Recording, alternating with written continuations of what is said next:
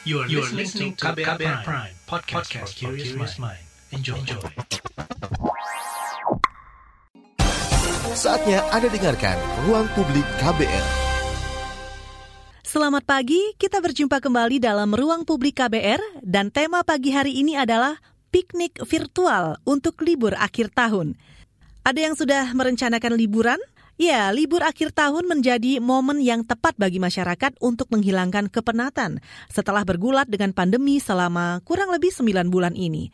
Namun, pengurus besar Ikatan Dokter Indonesia atau IDI menyebut libur panjang Natal dan Tahun Baru itu berpotensi menjadi klaster COVID-19 loh. Jika saat berwisata, masyarakat enggan melaksanakan protokol kesehatan.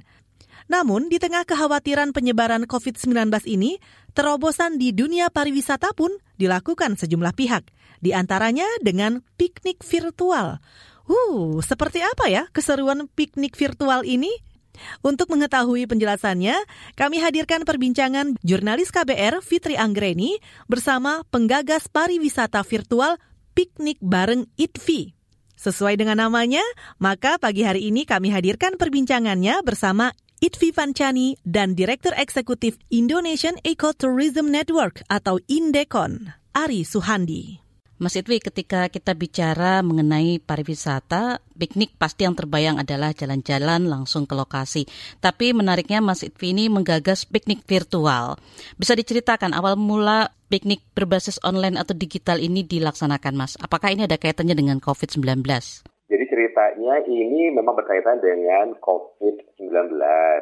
Ya, karena kan memang profesi saya sebetulnya sebagai seorang tour leader dan tour guide, yang mana memang biasanya saya melakukan perjalanan untuk memandu atau enggak untuk menemani uh, wisatawan-wisatawan yang pelesiran ke berbagai tempat gitu, dari mulai Indonesia sampai ke berbagai tempat di mancanegara. Nah, kemudian ketika COVID melanda, sebetulnya sejak Februari itu semua kerjaan saya uh, di dunia pariwisata. Kebetulan juga saya juga bekerja juga di dunia public speaking. Jadi di dua industri itu, di dua pekerjaan saya itu semuanya cancel sejak akhir Februari. Sampai pokoknya kerjaan yang harus saya kerjakan sampai bulan Juni Juli itu semuanya cancel sejak Februari Maret. Nah karena semuanya di cancel, otomatis apa yang harus saya lakukan ya gitu kan. Nah, mulailah akhirnya eh, agak telat sih kalau buat saya itu kayak di bulan Mei baru mulai pada akhirnya kepikiran kenapa nggak bikin virtual tour aja ya? Gitu ya. Karena sebetulnya virtual tour itu sesuatu yang nggak baru. Karena ketika saya menjalankan profesi saya kalau saya mau survei ke sebuah destinasi wisata atau sebuah negara ya saya survei saya virtual. Ada virtual tour. Ada virtual tour entah itu di museum. Biasanya kan ada di Google Art and Culture itu suka itu virtual tour kan. Baik hanya dia menampilkan tayangan berupa audio visual atau hanya menampilkan berupa narasi-narasi aja dengan gambar dan set ya. Jadi udah akhirnya di bulan Mei itu saya kepikiran oke okay, virtual itu sesuatu yang baru. Pas kebetulan memang waktu di bulan Mei itu ada uh, mahasiswa Indonesia yang dia tinggal dan sedang belajar di Stockholm Swedia. Dia bikin virtual tour di Mei awal itu. Terus saya akhirnya ah ikutan ah gitu sekalian saya survei siapa sih dapat inspirasi gitu kan untuk bisa menjalankan virtual tour juga gitu. Tapi waktu itu saya mikirnya kita lihat aja dulu gitu ya apakah saya bisa apa tidak? Saya ikutin perjalanan virtualnya yang ternyata cukup simpel dan dalam hati saya bilang kalau gini mah gue juga bisa gitu ya. Terus akhirnya nggak berapa lama setelah ikut virtual tour dari si mahasiswa yang ada di Swedia itu kebetulan ada salah satu startup uh, travel yang memang diinisiasi oleh anak-anak muda namanya Aturin. Uh, mereka itu bikin pelatihan, bikin pelatihan uh, virtual tour untuk para pramuwisata. Nah, pramuwisatanya di waktu itu Jakarta dan sekitarnya lah ya. Jadi mereka bikin beberapa sesi dan saya ikut yang Jakarta sekitarnya. Saya ikut bersama dengan beberapa rekan-rekan pramuwisata.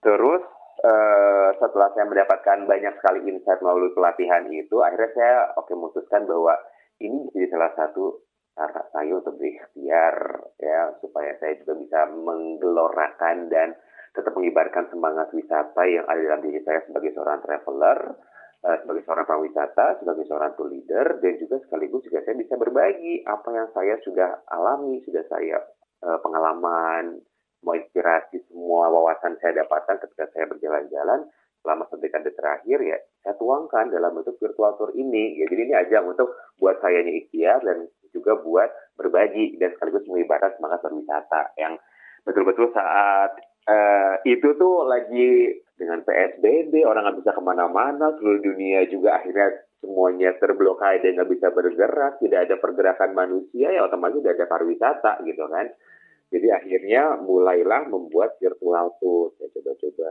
dengan semua keterbatasan yang ada, kemudian dengan semua keterbatasan dalam artian secara teknologi, secara ilmu saya juga, gitu ya.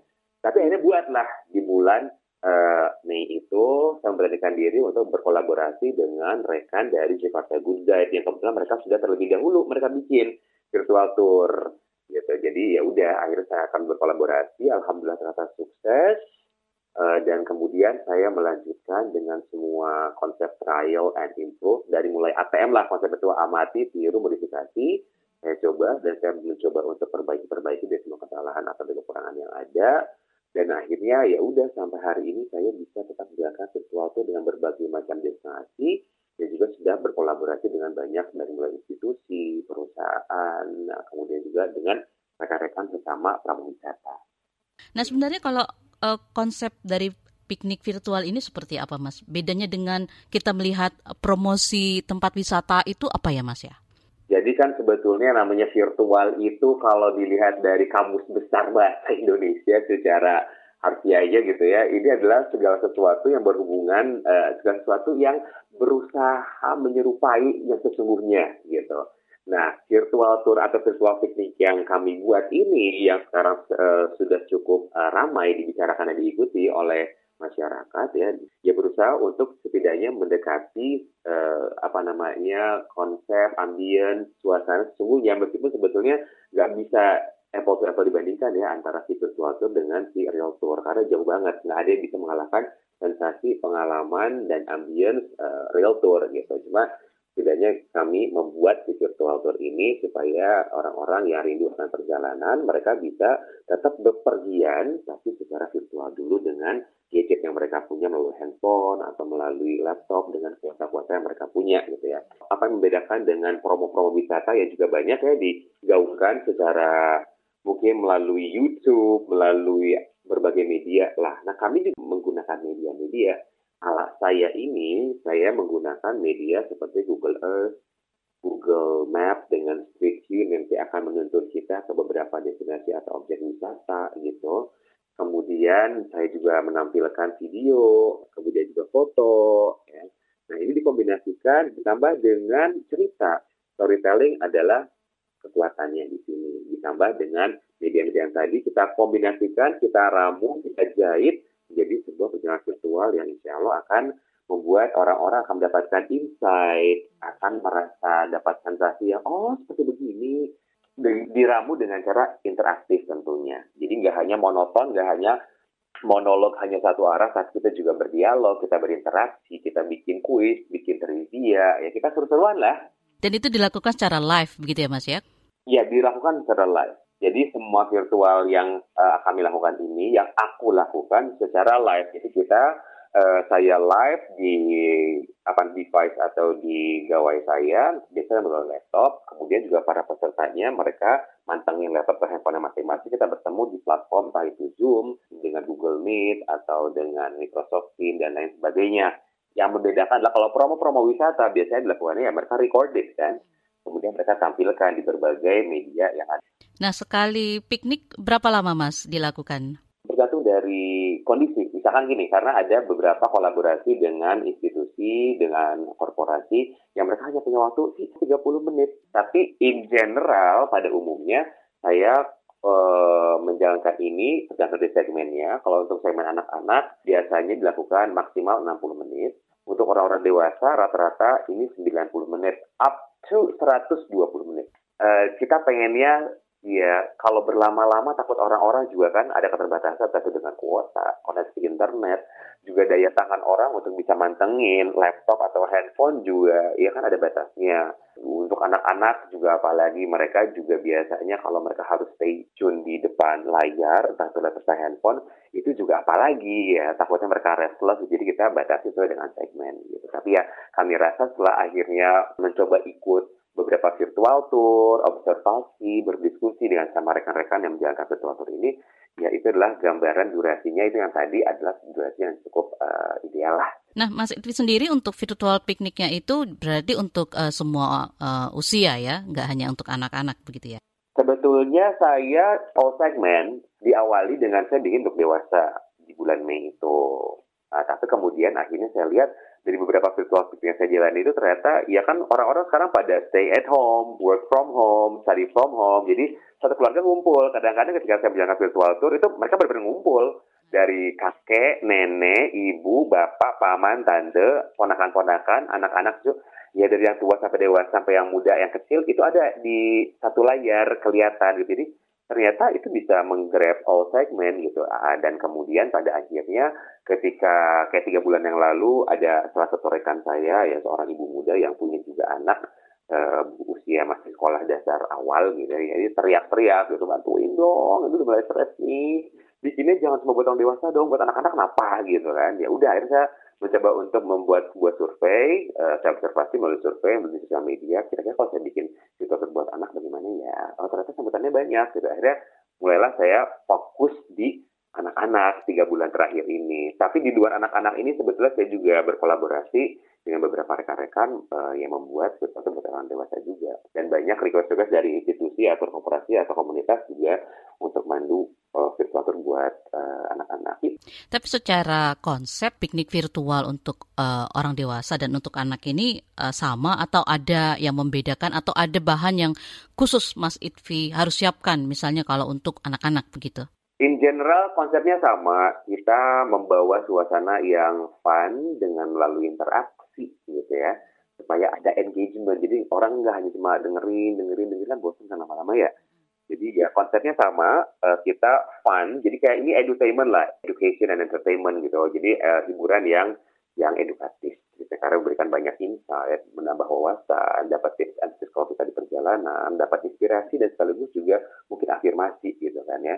Uh, namun dari gaya bahasa nah, itu nanti akan lebih spesifik misalkan dengan si segmennya gaya bahasanya kemudian materinya kemudian cara penyampaiannya jadi ada ada penyesuaian sesuai dengan segmennya. Saya nggak mungkin bikin materi buat khusus buat orang dewasa kemudian di situ juga apa namanya diaplikasikan ke anak-anak gitu. Contohnya saya bikin Amsterdam. Nah, di Amsterdam itu ada salah satu lokasi yang memang ya itu adalah konsumsi orang-orang dewasa misalkan red light district yang saya nggak akan bisa itu saya ceritakan kepada anak-anak.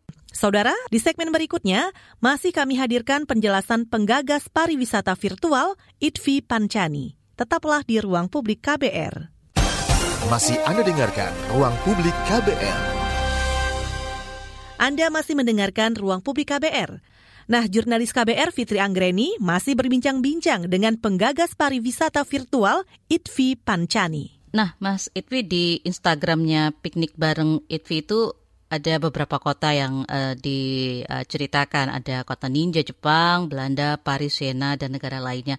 Sebenarnya dalam memilih kota-kota yang akan uh, dijadikan tujuan piknik virtual ini, apa yang menjadi uh, pertimbangannya Mas Itwi? Sudah pernah ke tempat itu. Kenapa udah pernah ke tempat itu? Karena kalau udah pernah ke sana kan udah dapat bayangan. Udah tahu seperti apa tempatnya, Setidaknya ada beberapa sudut-sudut yang cukup familiar, ceritanya saya sudah dapatkan, kemudian saya dari mulai objek wisata, sejarah, budaya, sampai kulinernya, saya sudah pernah merasakan, saya sudah pernah cicip-cicip, saya sudah pernah dapat itu semua ceritanya, sehingga saya akan mudah untuk berbagi ceritanya, gitu, daripada ke tempat-tempat yang saya belum pernah ke sana, dan gue nggak ada bayangan mau gimana ceritanya, gitu kan. Itu ke tempat yang udah pernah aja kami butuh melakukan riset lagi, gitu kan, riset lagi supaya kita memper, memperkaya uh, bank of information ya. Jadi informasi-informasi yang kami itu harus kami perkaya supaya kami bisa punya banyak alternatif cerita, fakta-fakta menarik yang bisa disampaikan dan supaya berfaedah lah perjalanannya. Nah kemudian saya juga nggak hanya sendirian kan, saya berkolaborasi juga dengan beberapa rekan tour guide, uh, pramuwisata atau para travel enthusiast dan ketika saya berkolaborasi dengan mereka, saya tanyakan kepada mereka uh, yang udah pernah ya atau yang kira-kira familiar ke mana? Rute itu aja supaya apa? Supaya nanti mudah berceritanya. Gitu. Supaya juga nanti nggak ribet. Kalau mau riset lagi risetnya nggak kepanjangan. Jadi kita juga nggak mau saling menyusahkan gitu. Tapi ya no pain no gain lah ya kan konsepnya. Karena kita harus berjuang juga gitu ya. Semuanya pasti melalui melalui riset ini. Terus kayak misalkan di sini juga ada uh, rekan-rekan pramuwisata yang uh, emang sudah berbulan-bulan nggak ada pekerjaan karena nggak ada tamu sama sekali gitu ya. Saya juga coba tanya kepada mereka ya uh, udah pernah bikin apa aja? Ke mana aja? Ya udah pakai aja yang udah pernah gitu. Dan nanti tinggal dikembangkan, kita diskusi apa yang perlu dimodifikasi, apa yang perlu diimprove. Mari kita sama-sama duduk bareng dan silakan nanti tampilkan apa yang sudah diperbaiki itu. Gitu kayak misalkan kan ada juga suku ragam suku di Indonesia, kemudian ada fauna di Indonesia gitu. Kebetulan itu rekan-rekan yang mereka pernah memandu untuk anak-anak sekolah bekerjasama dengan komunitas yang memang uh, apa namanya uh, di mana mereka berafiliasi gitu kan. Abis itu mereka nggak tahu mesti ngapain lagi gitu kan. Ya udah, sok. Kebetulan kan aku segmennya anak-anak juga.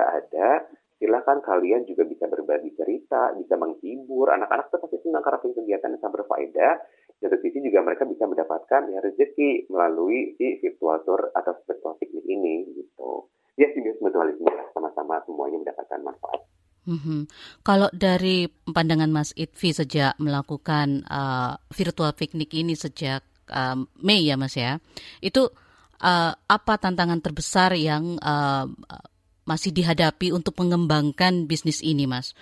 Yang tantangan yang masih dan akan dihadapi ya, uh, ya tantangannya adalah hmm, tren sebetulnya. Karena apakah si virtual tour ini masih akan tetap diminati oleh banyak orang atau tidak ya walau walam itu semua tergantung dari sudah sebebas apakah sudah seleluasa apakah manusianya bergerak gitu. Karena saya yakin ketika sudah semakin luasa pergerakan manusianya dari tua muda gitu ya yang kalau mereka udah bebas bergerak ya mungkin tour ini bisa jadi tinggalkan gitu kan nah nah challenge-nya adalah ya kami bagaimana caranya tetap untuk berkreasi Eh, dengan tema-tema yang setidaknya seksi gitu loh. Setidaknya tema-tema yang masih tak bisa menarik, mendapat perhatian, dan mendapatkan tempat gitu ya. Dari Mei sampai sekarang ini sebetulnya challenge terbesarnya adalah ya sudah sebebas apakah, sudah semerdeka apakah manusia bergerak gitu kan. Karena ketika ya sudah bergerak, ya mereka, ya kita juga pasti bersaing dengan sudah bukanya kafe, sudah bukannya mall, sudah bukannya objek wisata, dan orang-orang mereka sudah pada bergerilya, udah pada jalan-jalan secara real gitu. Tapi di luar itu juga kayak misalnya koneksi internet satu hal yang uh, itu simple tapi sebetulnya sangat krusial. Gitu. Kendala juga ada di gadget di device. Kita merasa bahwa internet sudah bagus, sudah sudah keren banget. Kita udah mencari yang udah paling tinggi Mbps-nya paling cepat gitu. Tapi ternyata kok kenapa uh, di layar itu ketika memandu virtual tour sering kali ngeheng, sering kali patah-patah, sering kali kita hilang di layar. Oh ternyata di sini kita tidak menggunakan gadget atau device atau gawai yang ya bisa supporting untuk kegiatan multimedia karena kegiatan multimedia yang kami lakukan ini ternyata memang membutuhkan uh, proses uploading yang cukup berat gitu. Jadi dibutuhkan juga gawai-gawai atau laptop-laptop yang dengan prosesor yang cukup mumpuni gitu. Itu yang di awal-awal saya nggak tahu tuh.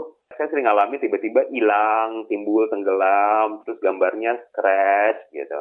Itu sebetulnya kan juga yang dipertaruhkan adalah kan reputasi kami juga gitu. Ah, kalau ikut sama siang ini mah dia nggak asik secara visualnya sering kali hilang gitu koneksinya tiba-tiba dia belbeb-belbeb gitu. Nah itu jadi sebuah tantangan yang banyak teman-teman yang menjalankan virtual tour juga banyak yang baru sadar. Beberapa yang baru menjalankan mereka nggak tahu juga masalah ini gitu dan itu adalah salah satu tantangan yang. Nah kalau dari uh, wisata virtual yang sudah Mas Itvi dan teman-teman lakukan uh, untuk tanggapan masyarakat Mas seperti apa? ada mix mix review ya, jadi tanggapannya ber, beragam. Beragam apakah ada yang mengatakan bahwa apa ini mah halu banget ya? Ada yang merasa itu nggak penting karena halu gitu kan. Ada mereka yang ah ini lucu banget sih, halu sih tapi nggak apa deh, lucu-lucuan gitu. Tapi pada akhirnya mereka ketika mereka udah merasakan sensasinya, mereka bertemu dengan perjalanan virtual yang cocok, yang tepat, itu bisa membuat mereka pada akhirnya addicted Nah, saya berusaha untuk menciptakan si addiction ini, berusaha untuk menciptakan si ketagihan ini gitu. Jadi kan memang virtual ini kita harus memanjakan eh, apa namanya pemirsanya secara visual dan secara audio gitu kan ya. Audionya melalui ya dengan kami bercerita, bertutur dengan storytellingnya, kemudian juga kalau kita tampilkan video-video dengan video audionya cukup catchy gitu ya, dengan ada unsur dramatisirnya atau bagaimana gitu. Karena secara visualnya kita menampilkan ya berbagai macam kombinasi antara video dan audio uh, foto-foto yang cukup menarik mata gitu. Dan dan kombinasi itu kalau emang kita ramu sedemikian rupa itu bisa membuat orang pada akhirnya datang lagi datang lagi datang lagi. Dan itu ya saya buktikan. Jadi ibaratnya gini saya udah punya grupisnya nih ceritanya C grupis jadi dari awal saya bikin itu itu banyak di antara mereka yang berapa gitu ya. Datang lagi datang lagi datang lagi. Nah, misalkan gini tiga bulan terakhir ini saya bikin untuk anak-anak nih ceritanya.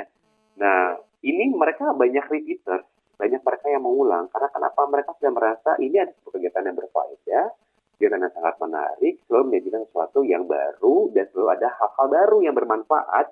Kalau buat mereka yang merasa nggak suka dan nggak cocok mereka sebetulnya simple as uh, ya udah tinggal klik aja list udah bye bye dan nggak perlu datang lagi juga nggak ada masalah gitu kan atau kalau dengan sistem virtual tour atau virtual piknik kan ada juga yang berbayar dengan cara ya pay as you wish gitu ya atau bayar seikhlasnya gitu. Kalau mereka nggak bayar, jadi antara mereka tidak tahu bagaimana cara menghargai si virtual piknik ini atau memang mereka tidak tertarik ya, atau mereka memang nggak punya uang saja.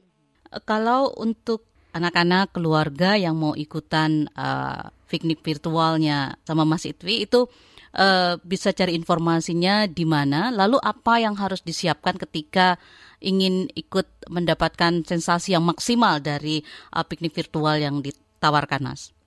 Biasanya saya akan mempromosikan kegiatan atau rute atau schedule-nya itu melalui platform Instagram atau melalui Facebook.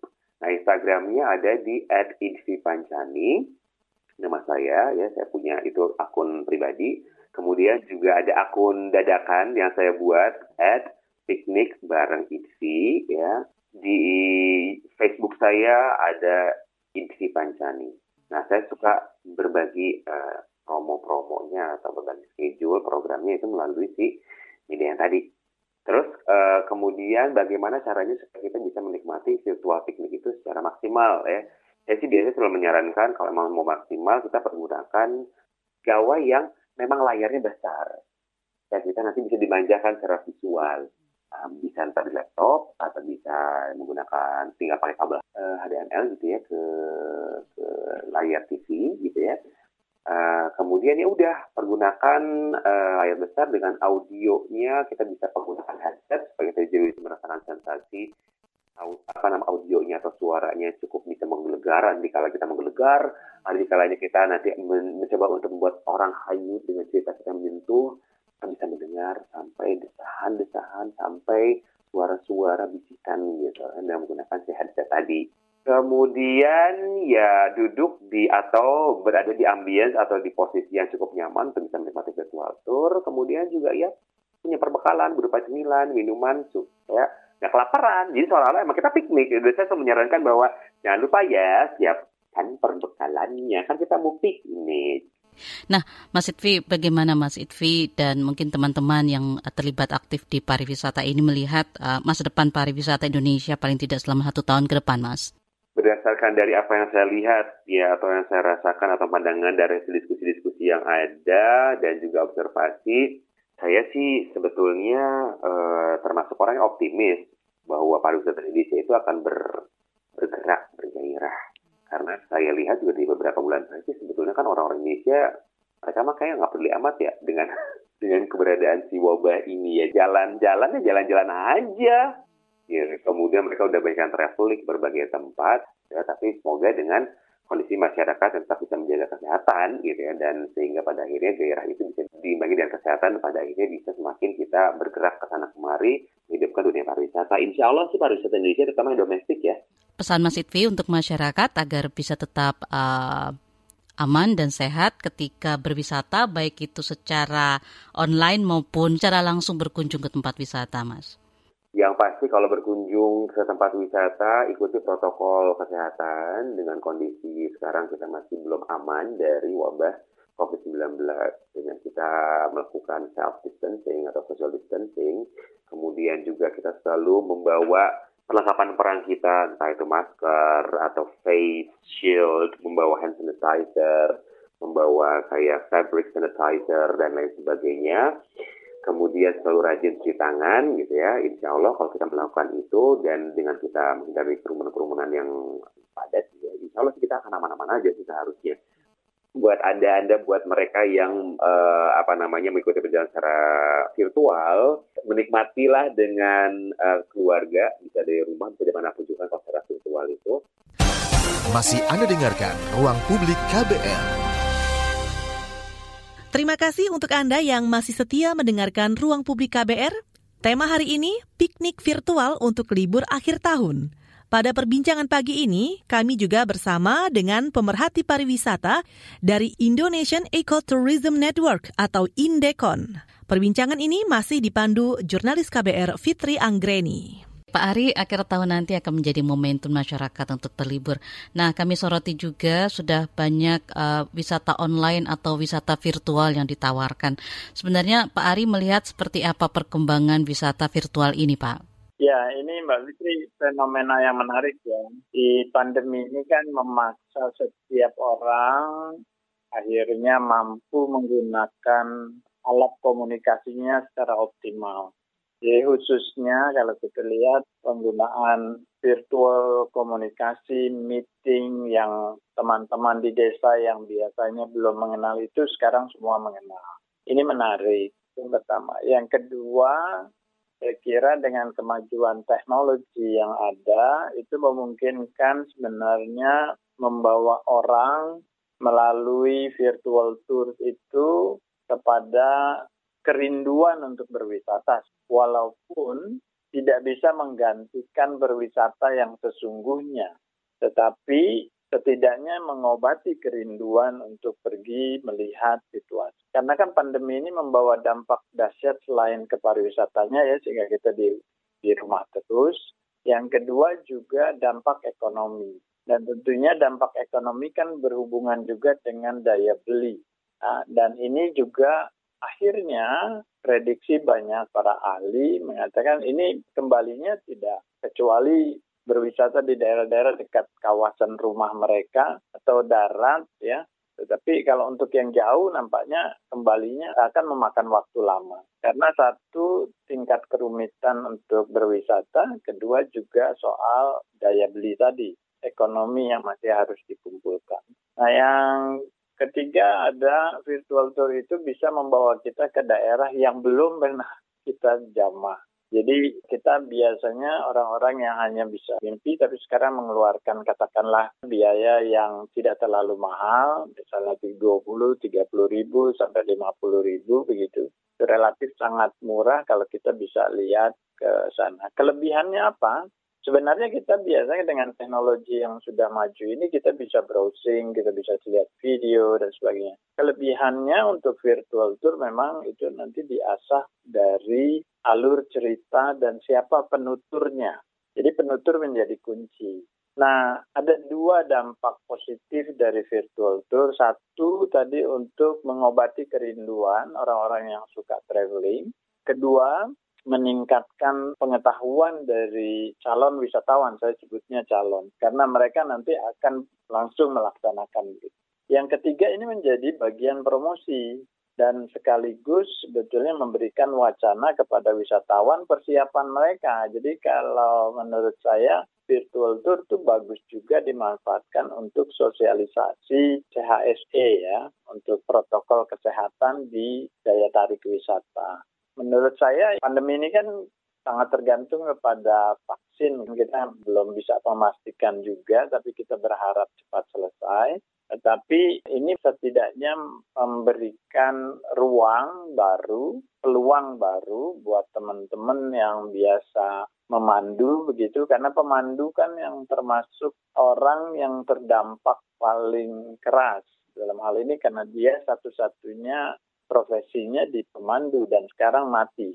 Jadi ini peluang yang menurut saya kuat. Bahkan kalau kekuatan jaringan mereka cukup, mereka bisa mengembangkan tur-tur ke daerah-daerah yang relatif banyak orang penasaran pengen ke situ. Kalau dalam uh, pengamatan Pak Ari sendiri sejauh ini wisata virtual yang uh, sudah ditawarkan dan dikembangkan oleh teman-teman pegiat pariwisata itu sudah maksimal atau masih bisa dikembangkan lebih jauh begitu Pak? Bisa, masih belum Bu. Karena satu yang sekarang ini kan masih tetap terbatas kepada daerah-daerah, artinya betul-betul murni virtual sebenarnya virtual itu bisa combination uh, on-site. Jadi artinya uh, kita dibawa langsung uh, berwisata di tempat asli. Jadi yang di sana bukan virtual yang menutur itu, tapi yang menutur langsung ada di lapangan dan melakukan video secara online. Jadi sebetulnya itu lebih optimal lagi. Kan gini juga, di sisi lain di kawasan kita di Indonesia, itu masih ada daerah-daerah yang belum terhubung dengan Google Street misalnya. Karena basis virtual tour ini kan menggunakan Google Street misalnya untuk memastikan di mana sih posisinya, jalannya kayak apa, itu kan semuanya dari sana. Tapi uh, ada effort kalau mau lebih kuat itu adalah menyiapkan video yang sangat baik, penutur, Bahkan kalau perlu langsung. Jadi misalnya ambil contoh ya. Kita jalan ke pantai mengamati ibu-ibu misalnya masyarakat lokal yang sedang menangkap ikan, membakar ikan, kita bisa menikmatinya dan spesial kuliner kita bisa meresapi sehingga kita betul-betul terbawa suasana seakan-akan kita ada di sana. Nah, itu yang perlu pendalaman, ada teknik, tutur bercerita, terus kemasan dari alur cerita juga. Karena uh, itu menjadi penting. Sehingga menarik minat, ah, someday I will be there gitu. Someday saya pengen ketemu si ibu itu kayaknya asik gitu masaknya gitu. Something like that. Jadi masih banyak yang bisa dikemas dengan kemajuan teknologi yang apa dan aplikasi yang makin mudah gitu ya untuk membuat sebuah kajian saya kira harus lebih bisa optimal masih sangat bisa dioptimalkan. Nah, diperkirakan tahun depan 2021 apakah akan makin berkembang uh, katakanlah wisata virtual ini atau masyarakat dengan mungkin mulai menurun uh, perkembangannya akan kembali ke pariwisata konvensional begitu Pak Ari? Ya, saya lihat sebetulnya kalau waktunya ada, sebetulnya ini kan proses kita beradaptasi ya dengan COVID. Jadi uh, makin lama kan kita rasanya seperti bukan mengabaikan sebenarnya, tetapi karena kita sudah mulai beradaptasi dengan situasinya, sehingga misalnya mulai banyak orang yang berani terbang. Karena lihat situasinya, dia bisa handling the situation itu kan semua akan kembali ke diri masing-masing ya. Jadi kalau kita pikir, oh kita bisa handling situasinya, saya berani melakukan pergerakan di luar rumah. Jadi uh, kalau saya sih memperkirakan pariwisata Indonesia, khususnya pariwisata yang uh, dengan wisatawan lokal misalnya, wisatawan di sekitar katakanlah kalau kabupaten Ah, orang-orang di kabupaten itu atau kabupaten tetangga lah paling jauh yang relatif itu masih bisa dijangkau dengan kendaraan uh, darat begitu yang tidak dalam kendaraan umum yang padat saya kira akan kembali uh, tergantung sekali lagi kalau situasi seperti saat ini saja saat sekarang ini uh, saya kira masyarakat sudah sangat mengerti dan waspada tentang di mana zona merah, di mana zona kuning, di mana zona orange, dan zona hijau. Jadi mereka sudah mulai belajar beradaptasi bagaimana how to do the safe travel. Gimana dia traveling yang aman sehingga dia mengamati. Kalau merah dia pasti daerahnya merah nih. Itu kan keuntungan dari Misalnya kita pelajari Satgas COVID, misalnya satu daerah pertanggal sekian merah, nah, nanti dia kuning, uh, hijau, kapan kuning. Kalau kuning hijau itu biasanya lebih laku. Itu nanti juga akan menjadi referensi dari seorang traveler.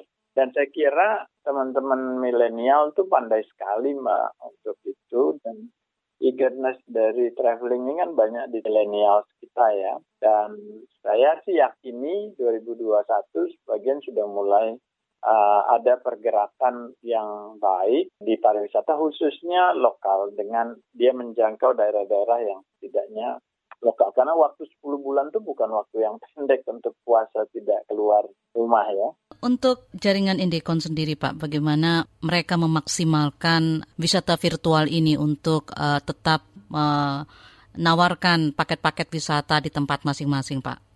Ya, uh, kita banyak uh, melatih kebetulan kalau dari jaringan kita ada atau RIN ya salah satu yang saat ini membantu. Jadi fasenya kita bagi satu ada sosial kerja sosial, tapi di sisi lain juga waktu itu kita pikir oh ternyata ini menghasilkan. Jadi membantu yang harusnya tadinya udah mati nih di, di basis ya ternyata bisa bisa kok stafnya bertahan dari hasil ini walaupun sedikit-sedikit dikumpulkan tapi sering. Setidaknya kan kita how to survive ya.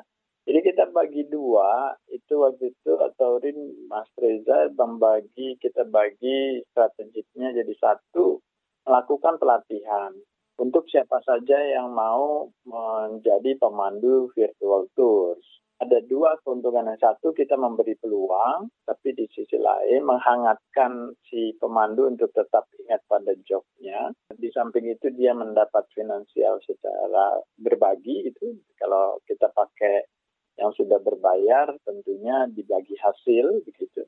Uh, tetapi di sisi lain itu sebenarnya juga uh, kita menambah database dari teman-teman yang memang punya kompetensi di bidang memandu dengan bertutur yang baik gitu. Uh, dari situ kemudian kita ya sekitar satu satu setengah bulan lah membimbing, kemudian setelah itu tayang. Tayang perdana, kemudian ada kalau dengan travel bisa orang pay as you wish ya. Jadi kalau merasa itu bagus ya Anda lakukan pembayaran. Tapi yang Ataurin terakhir dengan Kemenpar saya lihat sudah bahkan menjual di online travel agent. Jadi di online travel agent ini mulai jual virtual tours juga. Uh, walaupun dengan program. Tapi ini menarik, artinya kan juga saling membantu dalam situasi seperti ini. Commercial break. Commercial break. Anggota komunitas Be Home, Laras, memberi semangat kepada teman-teman Broken Home untuk berprestasi kalian tidak sendiri dan keluarga yang patah bukan berarti menghancurkan hidup kalian semua. Buktikanlah bahwa anak broken home itu juga berprestasi dan bisa berkembang sebagaimana layaknya anak-anak di luar sana karena untuk menjadi anak yang berprestasi atau sebagai anak yang dicap nakal itu tidak hanya dari anak broken home, anak dari keluarga yang utuh bahkan dalam keluarga yang utuh namun di dalamnya banyak konflik pun itu bisa menyebabkan nakalan remaja lah istilahnya. Simak obrolan selengkapnya dalam podcast Disco, diskusi psikologi dalam episode Ketika Rumah Bukan Tempat Ramah di kbrprime.id dan platform mendengar podcast lainnya. Masih Anda dengarkan Ruang Publik KBR. Kita tiba di bagian akhir Ruang Publik KBR edisi hari ini. Pada pagi ini kami masih hadirkan perbincangan jurnalis KBR Fitri Anggreni bersama Direktur Eksekutif Indekon Ari Suhandi mengenai piknik virtual untuk libur akhir tahun. Sebenarnya apa saja sih Pak yang bisa dijual dalam wisata virtual ini? Apakah uh, apa poin-poin hal-hal yang bisa dijual di wisata konvensional juga bisa dijual di wisata virtual ini, Pak? Ya, sama saja sebetulnya. Jadi memang kekuatan itu ada di kemasan story-nya. Jadi ini sebetulnya menjadi juga ajang yang baik. Karena menurut saya itu bagian dari kelemahan sebelum ada pandemi. Artinya kelemahannya banyak sekali pemandu ya memandu saja. Beda antara penunjuk jalan dengan memandu sebenarnya. Jadi yang kita perkuat adalah interpretasinya, bahan ceritanya, storytelling ya diperkuat sehingga orang bilang, oh iya ternyata aku baru tahu tuh ternyata makanan ini dibuatnya dari ini. Atau saya baru tahu tanaman ini ternyata bermanfaat untuk ini. ada cerita-cerita uh, yang menginspirasi itu juga bahkan bisa lebih keluar menurut saya di virtual tour tergantung kemasannya. Jadi bukan saja daya tarik alam atau budayanya, tetapi personnya sendiri itu bisa jadi story yang menarik. Jadi si orangnya justru menjadi bagian yang uh, bisa menjual. Jadi sebetulnya kalau menurut saya, katakan saja satu yang memiliki follower banyak, mau bercerita, berbagi saja, itu udah nolong pariwisata Indonesia. Dalam situasi begini kan nggak harus dagang terus influencer. Tapi sekali waktu kan dia harus berbagi buat orang-orang di daerah kan. Itu juga satu kesempatan-kesempatan yang seharusnya bisa kita lihat untuk membangun kesatuan kita dalam situasi seperti ini faktor paling penting dalam uh, wisata virtual ini kan adalah teknologi ya Pak ya. Nah, kita juga tahu bahwa masih banyak juga daerah-daerah yang bagus begitu tapi punya masalah dengan uh, jaringan teknologi. Nah, seperti apa masalah teknologi ini membatasi gerak teman-teman pelaku wisata sendiri untuk bisa memaksimalkan wisata uh, virtual ini, Pak? Ya, kalau yang uh, ingin mencapai ke optimal tadi, yang seperti saya katakan ingin ada online direct, directly online on the spot, itu memang uh, kita masih banyak terkendala gitu karena banyak daerah-daerah kita yang sinyalnya lemah. Itu juga kan sekarang banyak ada sinyal tapi terbatas sinyal untuk komunikasi misalnya. Sementara ini kan butuh bandwidth yang cukup kuat. Jadi memang ke depan menurut saya Indonesia harus fokus untuk meningkatkan bandwidth di banyak daerah. Ini satu tren ke masa depan yang saya kira tidak akan hilang juga virtual tour. Ke depannya dengan teknologi tiga dimensi itu menurut saya ke depannya akan tetap eksis ya. Jadi bayangkan juga uh, virtual tour itu kalau membuat dibantu sosok-sosok yang apa mohon maaf orang-orang yang membutuhkan kebutuhan khusus yang tidak bisa nyampe ke tempat itu kita bisa bantu lewat virtual tours bisa dipakai untuk sosial juga. Nah kalau uh, teknologi yang nyampe itu sebetulnya yang paling gampang memang ada investasi yaitu melakukan uh, video. Nah itu pun yang lagi terus diasah dengan uh, teknik video kan harus uh, tidak terlalu berat tapi kualitas tetap baik gitu ya. Jadi sekarang misalnya di jaringan Inekon kita juga ngajarin bagaimana bikin foto yang bagus, bagaimana bikin uh, video yang bagus, bagaimana uh, copywriting ya. Jadi menulis sebuah caption yang pendek, bagus. Nah, itu itu teman-teman menarik dan kita melihat uh, teman-teman muda di daerah yang nggak ngerti apa sih Pak Hari copywriting gitu. Tapi akhirnya diajarin mereka sangat sangat bisa dan bahkan keluar cerita-cerita yang uh, menarik. Jadi sebenarnya potensi ada, tapi memang kita harus kreatif. Intinya menurut saya ke depan Mbak Fitri itu dibutuhkan kreativitas yang lebih. Nah sejauh ini seperti apa bantuan uh, pemerintah Pak uh, kepada teman-teman pegiat uh, wisata sendiri terhadap uh, concern meningkatkan wisata virtual ini Pak?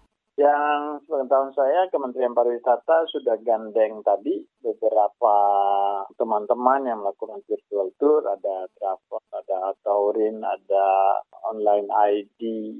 Mereka di, membantu satu memberikan uh, ada dua yang saya lihat skemnya. Satu pelatihan, kemudian dari skema pelatihan diambil beberapa areal begitu. Kemudian diseleksi mana yang potensial, mereka menulis ceritanya, kemudian mereka bertutur, dipilih. Jadi tahapan itu uh, relatif cukup baik disikapi saya lihat oleh Kementerian Pariwisata. Dan di ini di sudah ngegandeng OTA tadi itu yang melalui program Kementerian Pariwisata. Karena itu kan pasti ada mekanisme payment ya. Apa yang perlu masyarakat siapkan atau lakukan supaya bisa menikmati wisata virtual ini secara maksimal Pak ketika mereka memilih untuk melakukannya?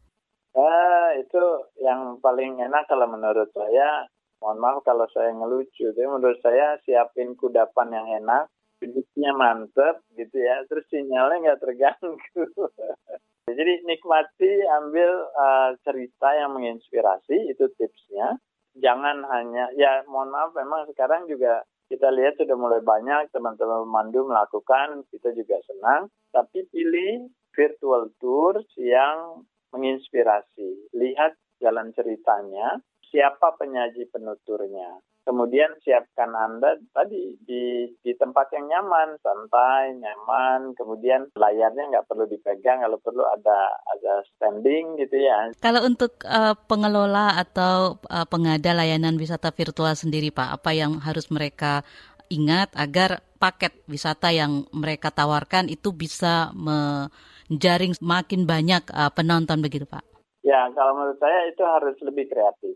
Jadi jangan cepat puas, gunakan uh, teknologi dan aplikasi yang sudah bertebar dengan banyaknya uh, di dunia maya.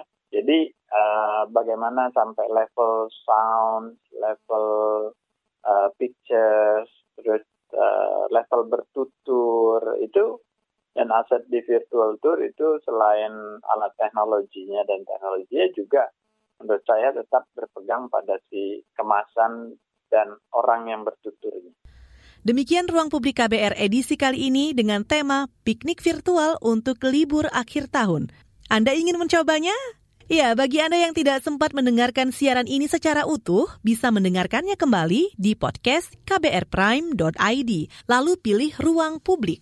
Terima kasih untuk kebersamaan Anda pagi hari ini. Saya Eka Juli, salam. Baru saja Anda dengarkan Ruang Publik KBR. KBR Prime, cara asik mendengar berita. KBR Prime, podcast for curious mind.